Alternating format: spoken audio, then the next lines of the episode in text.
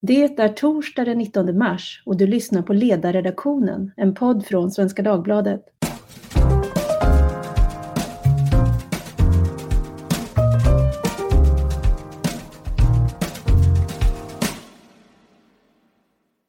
Jag heter Tove Livendal och idag ska vi tala om åsiktsbildning och hur vi reagerar på och tar till oss information. För det är uppenbart att det i coronakrisen finns hur mycket information som helst och ändå är många missnöjda och oroliga. Dels finns ju information som är motstridig, dels drar olika människor olika slutsatser av det de får höra. Idag skriver till exempel min kollega Ivar Arpi om att samma människor som säger sig lita 100% på myndigheterna ändå medger att de går mycket längre i sina beteenden än vad som är rekommenderat.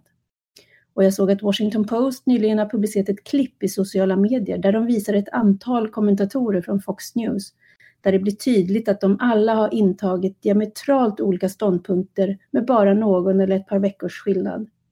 Det går ju lätt att skratta åt nu, liksom att statsepidemiologen Anders Tegnell som söndag den 8 mars fick backa från förutsägelsen att den svenska smittan den skulle ha pikat i mars och istället uppgav 9-10 mars som nytt riktmärke.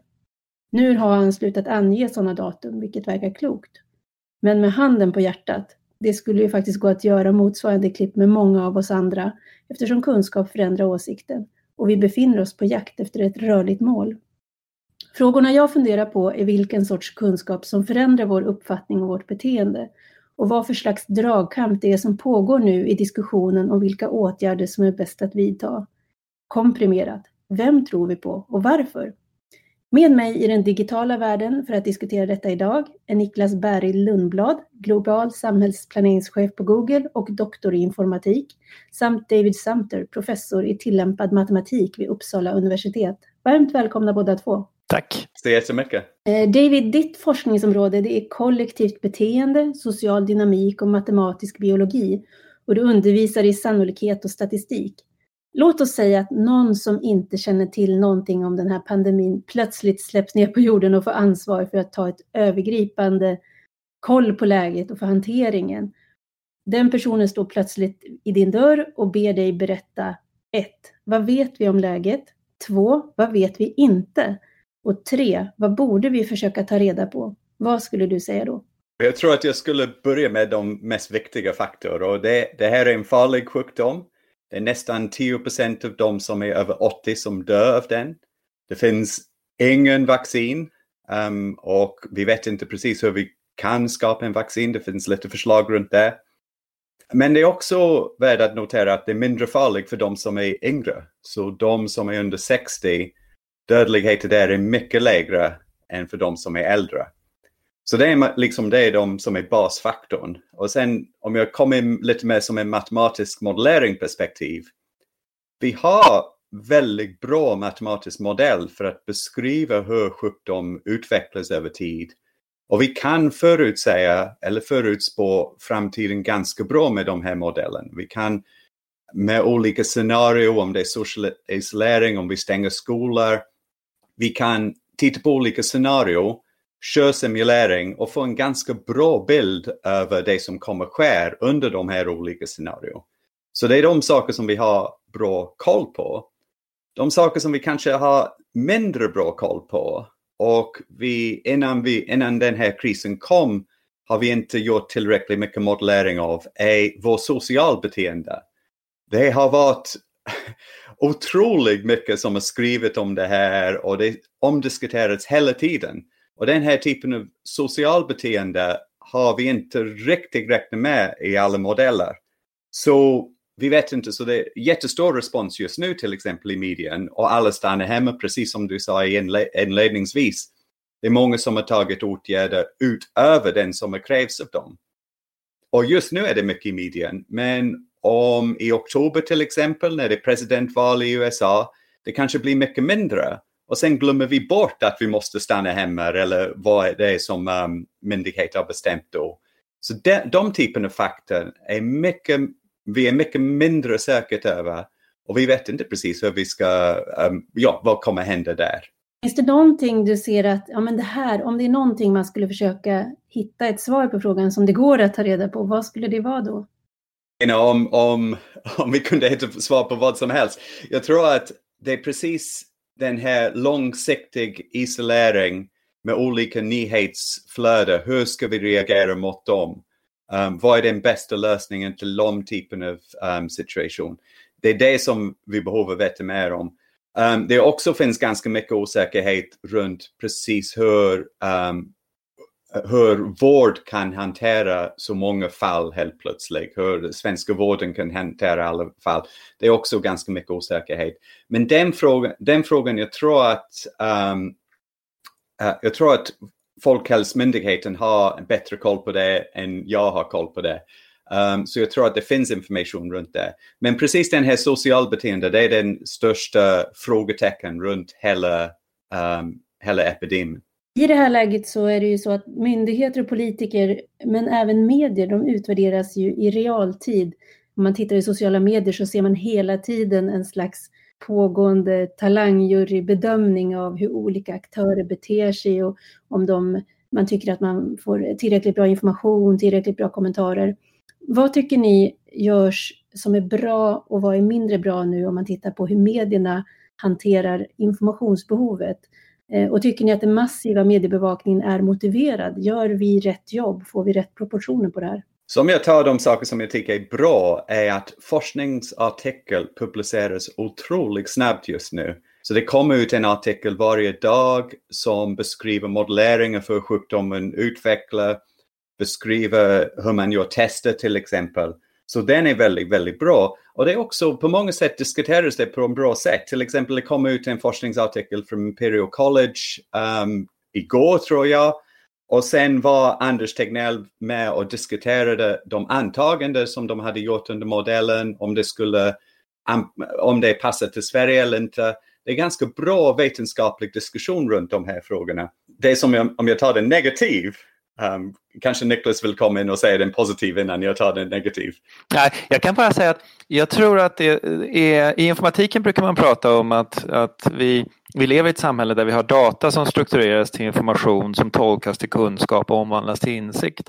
Och när man talar om mediebevakning då måste man ju klura lite på var någonstans i den där kedjan bör mediebevakningen ligga. Att bara rapportera data utan att ha strukturerat den till information eller tolkat den till kunskap tror jag kan vara riktigt problematiskt för då, då slänger man bara ut en massa saker och så överlåter man tolkningen eh, helt fritt. Och där, där kan det ju naturligtvis vara så att man skulle vinna på att kontextualisera. Men precis som, som David säger så tycker jag att det har man gjort bättre och bättre och vetenskapsrapporteringen har blivit bättre och bättre också över tid. Så där, där någonstans kan man väl eh, säga att det faktiskt har blivit väldigt bra. Så jag överlåter till David att säga sin dåliga grej. ja, och vad är mindre bra då? Eh, jag vill bara ta någonting om, som är bra också, för jag vill liksom göra en liten uppföljning på det som, som Niklas sa. För jag tycker att precis den här artikeln som kom ut från Imperial College och andra liknande artiklar som kommer ut snabbt och har många författare med. Jag tycker det är otroligt imponerande. Det är någonting som vi kunde tio år sedan kunde vi inte göra på samma sätt. Så det är mycket bra. Men det som är mindre bra och det är också det problem hos många av mina kollegor är alla typer av backseat mathematicians som har någon gång sett någon typ av exponentiell växtkurv och sen plötsligt har de en åsikt om hur vi ska bedöma läget nu. Och där tänker jag, eh, det är ganska många av de här personerna som är inte, de är experter i spridning av sjukdom och så vidare. Men de har inte tillgång till alla data. De kanske har tillgång till datan om själva spridning av sjukdomen, men de har inte tillgång till datan om hur många sängar finns på sjukhuset, um, hur mycket tillgång vi har till vårdpersonal och så vidare. Så den typen av data har de inte tillgång till. Men ändå går de ut med ganska starka påståenden om vad eh, um, myndigheter ska göra. Jo, nej, men det kan jag hålla med om. Och det är väl kanske så här någonstans också att man måste väl vara, jag tycker att man ska ha en fri och öppen debatt, men att man är väldigt klar och tydlig över vilka mentala modeller man använder och vilka eh, specialistkunskaper man har. Jag tror, jag tror inte man vinner på att säga åt en, en, grupp människor att de ska vara tysta. Däremot så tror jag att vi allihopa kanske ska ha en viss respekt inför vår egen okunskap som är närmast oändlig i många olika fall. Så att där kan jag känna att att eh, när vi tittar tillbaka på det här sen så finns det väl också en, en anledning till till viss personlig självgranskning. Så där, säga, när uttalade jag mig alldeles för säkert? När, när bestämde jag mig för att jag skulle hoppa på ett sånt här eh, spår i sociala medier och trycka på det så mycket som möjligt. och så där. Det, Jag tror att där är, där är det lätt för oss att, att göra en av de få saker som evolutionen har utvecklat oss för att göra. Evolutionen har utvecklat två olika sätt för oss att hantera kunskap. Eh, Julia Galef skriver om det här rätt ofta, hon är kognitionsvetare. Hon säger att vi har å ena sidan soldathjärnan som strävar efter att tycka exakt likadant som alla andra. Och så har vi å andra sidan scouthjärnan som letar efter så mycket information som möjligt för att försöka förstå nya miljöer och nya problem och nya utmaningar. Och ibland kan det gå fel mellan de där. Så när soldathjärnan slår till så tycker vi är samma som alla andra i samma grupp. Och när scouthjärnan får springa helt fri då blir vi, faller vi offer för märkliga konspirationsteorier och, och lösryckta citat och, och, kurvor som inte har någon basis i verkligheten. Så det är viktigt att komma ihåg att, att vi utvecklade inte kognition huvudsakligen för att ha rätt. Utan vi utvecklade det huvudsakligen för att vi hade en fördel av det i vår överlevnad. Och det är två helt olika saker.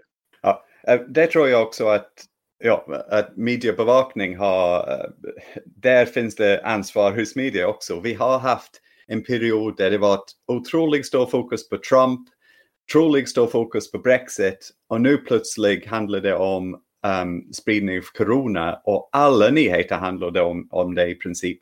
Och när man Visst, det är en farlig sjukdom som jag sa i början. Men jag var tvungen att kolla idag och jag såg att 400 000 personer dog förra året av malaria. Och 67 procent av de personerna är barn. Och den frågan hörde jag ingenting om den senaste kanske ett, två år. Det är en jättestor um, problem och jag, jag läste också att det är, jag tror att det är ungefär ehm, um, 2-3 biljoner dollar som investeras i att hjälpa mot malaria jämför med de triljoner som spenderas nu mot coronavirus. Så den typen av balans i media, att man ska betona saker baserat på hur viktiga de är, tycker jag är väldigt, väldigt viktigt. Men det, har att göra med, det där tror jag har att göra med scouthjärnan och soldathjärnan lite grann. Därför att scouthjärnans absolut främsta uppgift är att känna igen osäkerhet. Och det är ju någonting helt annat än risk och det här kan du mycket bättre än jag David. Eh, där vi har osäkerhet så vet vi inte var saker och ting tar vägen. Och när vi har osäkerhet då ägnar sig alla våra kognitiva resurser åt att försöka förvandla den till risk. När det gäller malaria så finns det ju en, en risk som är väl dokumenterad över tid med en fruktansvärd mänsklig kostnad som du beskriver. Men när det gäller corona är vi fortfarande i den fasen att risken är inte synlig, konturen av risken är inte helt synlig i osäkerheten för de flesta. Även om experterna nu tycker att de börjar kunna skönja riskerna i osäkerheten så gör vi inte det och då, då slår den här scouthjärnan till och letar efter all information den kan och då helt plötsligt så riktas hela mediebevakningen rakt in på just det här området. Jag tror att det är någonting sånt, tror inte du det? Ja, jag tror att det kan vara så. Um, ja, jag är inte helt säker, men för mig, för mig är det kanske mer viktigt att media tänker liksom okej, okay, sjukdom, det här är en stor, stor historia, alla är intresserade i den. Kanske vi kan lyfta upp några av de andra sjukdomarna och vad vi har gjort tidigare. Vi låter de här personerna i Afrika um, bo med den här typen av sjukdom varje dag.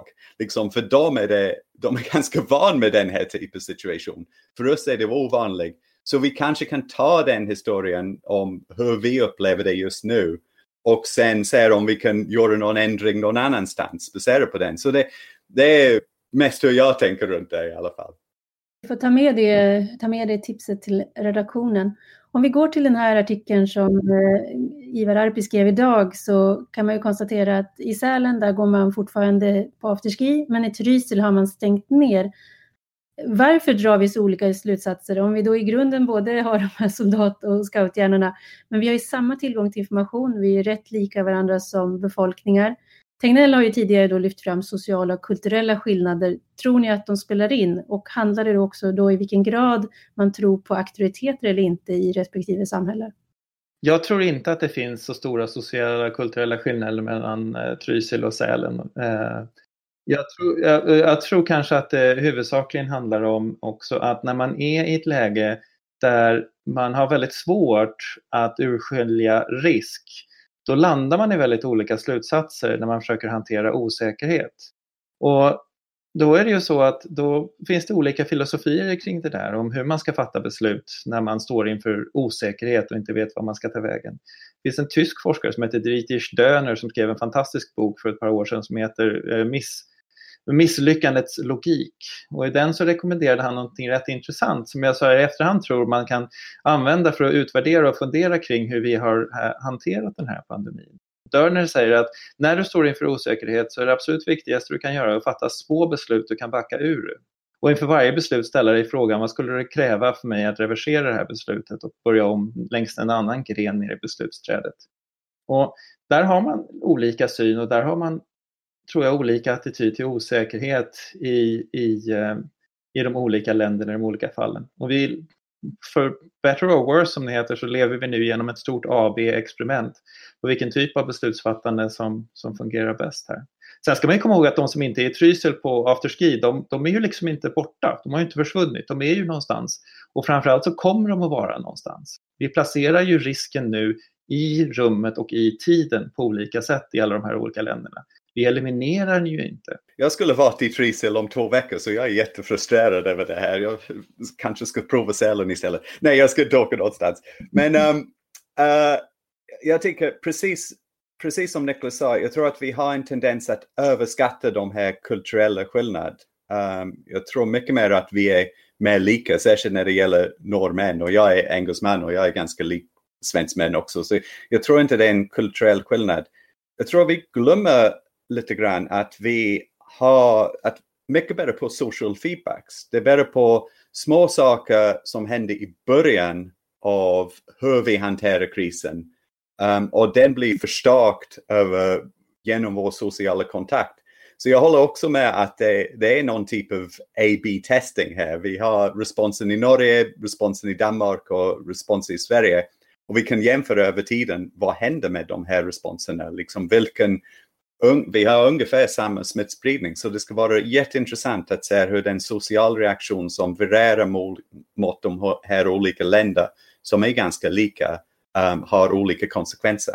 Och det kommer vi inte kunna utvärdera förrän i nästa år för att nu är det ju mm. så att det är fullt möjligt att man kan trycka ner den här eh, smittspridningen men att den då skulle kunna tänkas dyka upp igen så vitt jag förstår. Och som sagt, jag är ingen expert på det här eh, senare i höst. Och, så att det måste, man måste så att säga fundera på när kommer vi kunna lära oss av den här upplevelsen som vi genomgår nu. Och det kanske inte är förrän 2022 eller så. Det är väldigt relaterat till det som jag sa i början och jag tror att vetenskapsmän, vi, vi kan analysera efter saker har hänt. Så då kan vi lära oss en massa läxor. Det är lite tråkigt faktiskt, men vi måste vänta tills vi vet vad har hänt. Då kan vi lära oss läxor därifrån. Just nu kan vi inte kommentera så mycket. Det är att lämna till myndigheter som har väldigt, väldigt kvalificerade vetenskapsmän som jobbar där också.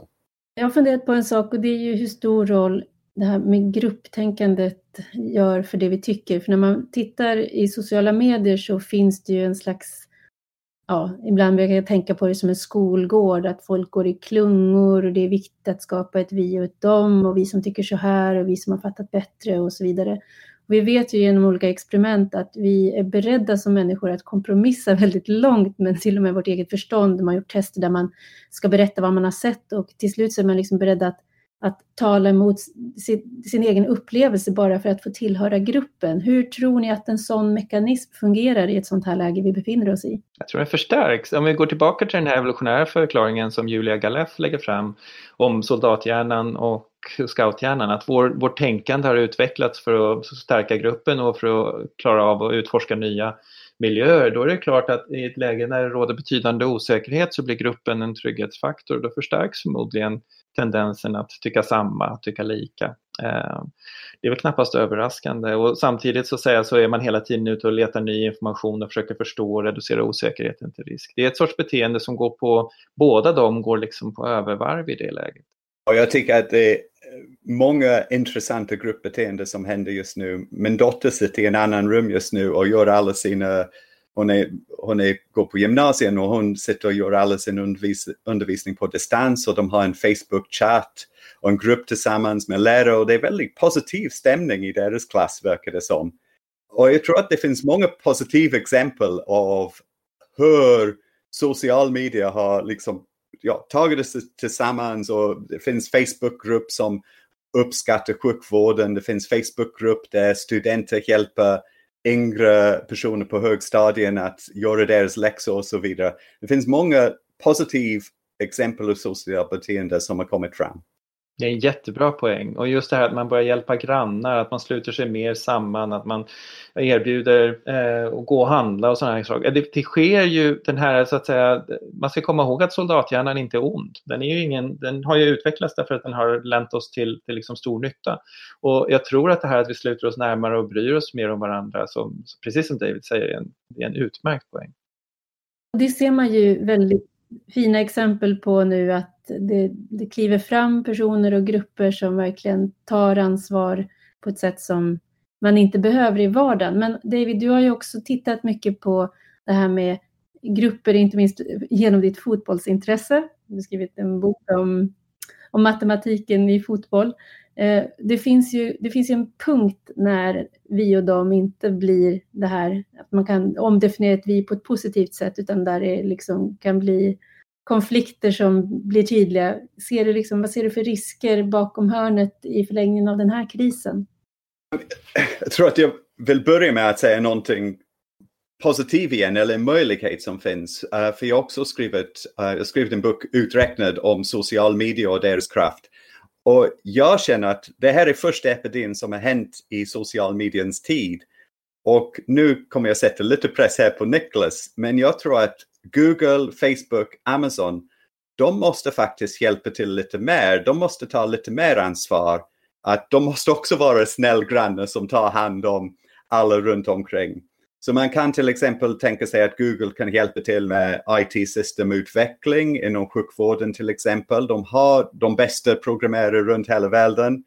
Ett exempel är contact tracing som är en, en grej som är väldigt svårt och tidskrävande att göra. Det är någonting som en stor uh, social mediebolag kan göra. Man kan tänka sig Amazon med sin stora nätverk av ehm, eh, um, shippingnätverk kan hjälpa till. Kanske vi kan få en månadsfri Netflix så vi kan alla sitta hemma och njuta av TV. Så det är den typen av saker som jag också tycker att social media kan bidra med och det finns många, många möjligheter där. Ja, men oh ja, det håller jag med om. Och där har ju faktiskt de andra teknikbolagen gjort en hel del och även vi erbjuder ju nu eh, tillgång till till exempel videokonferenser. Nu ska vi inte göra reklam, men, men om man tittar in på, på eh, på de olika bloggar som alla de här teknikbolagen har så kommer man att se att det finns ett gäng initiativ på gång och jag, kommer, jag skulle inte alls bli överraskad om man kommer att se fler sådana initiativ med tiden. Och det investeras en hel del i att försöka förstå eh, hur man kan spela den här rollen eh, som, eh, som, som eh, på något sätt kan förstärka samhällets försvar mot, mot pandemier. Så där, där, tror jag att du har rätt, att det kommer att bli mer, att det kommer att, att, det kommer att utvecklas. Och jag rekommenderar också att kika lite på det som redan finns där. Eh, det kan vara värt att, att bara titta på. En sak som har blivit synlig de senaste dagarna det är den här skillnaden mellan äldre och yngre och då kan man förenklat säga att det uppstår en situation nu där de äldre tycks bli de nya tonåringarna och eh, trotsar eh, instruktioner om hur man bör bete sig. Men när vi diskuterade det här på redaktionen, då tycks det som det vi i alla fall erfor en skillnad mellan generationerna. Att 40-talisterna då som har gjort revolt tidigare, de fortsätter med det nu, medan 30-talisterna är mer lydiga och det är möjligen för att de är mer medvetna och närmare sin dödlighet. Vet ni om det finns några generationsskillnader när det handlar om hur man tar till sig, förhåller sig till information eller ser på auktoriteter? Ja, jag vet inte så mycket om skillnaden mellan 30-talister och 40-talister, men det finns mycket forskning om de yngre generationen, som kallar det Generation Z. De är mycket bättre att hantera um, all information som kommer ut. Så de kan på något sätt skoja och ha intressanta diskussioner runt en ganska allvarlig situation men samtidigt förstå allvaren i, i situationen. Det finns ganska mycket uh, forskning om hur de hanterar information jämfört med oss som är lite äldre. Det växer ju upp en generation nu som, har en, en eh, som är väldigt mediasavvy, som kan eh, ny teknik och som letar efter flera olika perspektiv, söker flera källor och delvis därför att vi också har satsat på utbildningsprogram. Den svenska skolan hade Kolla källan som man körde under lång tid. och Så där, så där tror jag att det, att det finns att säga, en medfödd förmåga att hantera det här. Jag är inte säker på om det finns några skillnader som jag har sett mellan 30-talister och 40-talister sådär. Annars så är det ju så att, att det finns en naturlig skillnad i hur många som konsumerar digital först och hur många som konsumerar mer traditionella eter och, och pappersmedier. Så att säga. Där, där är det ju så att eh, med stigande ålder så har man en större tendens att få sina huvudsakliga nyhetsbehov tillfredsställda från, från vad vi kanske tänker på som pappers och etermedia. Niklas, kan du berätta någonting om eh, ni ser liksom, i skillnaden hur man söker information den kunskap som ni får på Google, vad, vad finns det för skillnader som här rör sig till ålder eller generation där? Det vet, alltså ja, en bra fråga. Jag kan inte svara på den. Jag tror inte att vi har kikat på det i första hand så. Det är väl, det, det är väl den naturliga eh, och, och, där är det ju också så att väldigt många sökningar sker ju utan att folk är inloggade så då vet vi inte överhuvudtaget. Um, så att jag tror att man skulle göra en sån studie så skulle man väl kanske se att, precis som David säger, att de som är yngre de, de vet hur de ska snabbare hitta dit de behöver komma och blir inte överväldigade av den informationen därför de kan till exempel använda boolsk logik helt naturligt, vilket är rätt anmärkningsvärt att en hel generation har vuxit upp och lärt sig skillnaden mellan not och år och sår och alla de där grejerna som, som, eh, som vi brukade undervisa om på universitetet förr i tiden. Det var en intressant fenomen när, där alla 40-talister gick med på Facebook ungefär 3-4 år sedan. Och jag tror inte att alla 30-talister gick med på samma, samma sätt. Så um, jag tycker det finns en intressant skillnad där. Att det är en grupp där som använder mycket Facebook och kanske en äldre, äldre grupp som är helt bortkopplad från social media. Mm. Och det har ju också eh, betydelse i ett sånt här läge när vi gradvis kommer att gå mot mer isolering, att de som då har hittat in i de här forumen kommer känna sig mindre isolerade än de som inte har tillgång till dem. Eh, det där jag nämnde initialt då, om det här med Washington Posts vilja dra ner brallorna på Fox News eh, kommentatorer, Hur skulle ni beskriva er egen mentala resa hittills? Har det varit tvärvändningar eller gradvis förändring eller står ni kvar där ni var alldeles från början? För mig själv, jag kan säga, jag är total irrationell. Det, det, är lätt för mig att faktiskt gå på radio och sitta och prata med dig just nu och ge alla fakta och så vidare. Men när jag är själv eller med familjen eller ligger i sängen, jag ligger vaken och är orolig över liksom ganska, ganska dumma saker. Jag tycker, oh, men kanske jag har blivit smittad och jag känner mig trött och jag är orolig att, um, ja, jag är orolig för familjen och så vidare. Man blir så. Det, det är svårt att undvika när det är så mycket som är skrivet om det, om man tänker på det hela tiden. Det är svårt att inte vara irrationell. Jag vet inte om uh, Niklas har en, en bra förklaring för min beteende, men um, jag, jag, har, jag har det ganska svårt på det sättet. Jag kan vara rationell i jobbet, men sen när det är hemma, jag blir lite irrationell helt enkelt.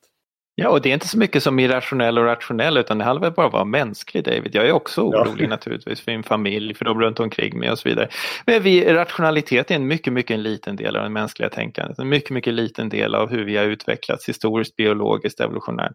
Och jag menar, när allting runt omkring dig handlar om denna osäkerhet som inte ens går att kvantifiera som risk, då går det inte att reagera på något annat sätt än att känna en viss oro. Och där tror jag faktiskt att det finns en annan aspekt av detta som, som vi kanske inte pratar om så mycket men som vi borde prata om och det är att det är väldigt många människor som känner en djup oro inför allt det som ska hända nu som egentligen skulle må bäst av att ta en coronapaus, läsa en bok, käka en semla, gör semlan hemma om du inte vill gå ut. Jag menar, det, någonstans så, så tror jag att, att vi, vi måste också se upp lite mer mot mediekonsumtionsbeteende eftersom som vi är just människor och eftersom vi eh, har en väldigt komplext förhållningssätt till information i största allmänhet. Och jag, jag är 100% med dig där David, att det är klart att man är orolig. Det vore, vore konstigt annars. Jag har ändrat min åsikt hela tiden och där jag är med, jag tror det var Paul Samuelson som sa att uh, when the facts change I change my opinion. Uh, och från början så uppskattade jag den här risken som mycket liten. Eh, där hade jag fel och sen så trodde jag att man skulle kunna stoppa spridningen. Där hade jag fel och jag har fel om och om och om, och om igen.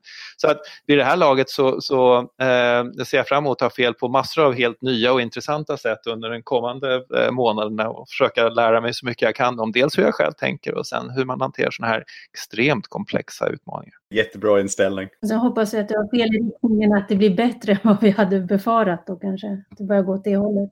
Absolut. Men du publicerar idag Niklas på din blogg eh, som heter anteckningarna.org en text där du ställer frågorna Hur kommer samhället att organisera sig efter pandemin? Kring vilka koncept?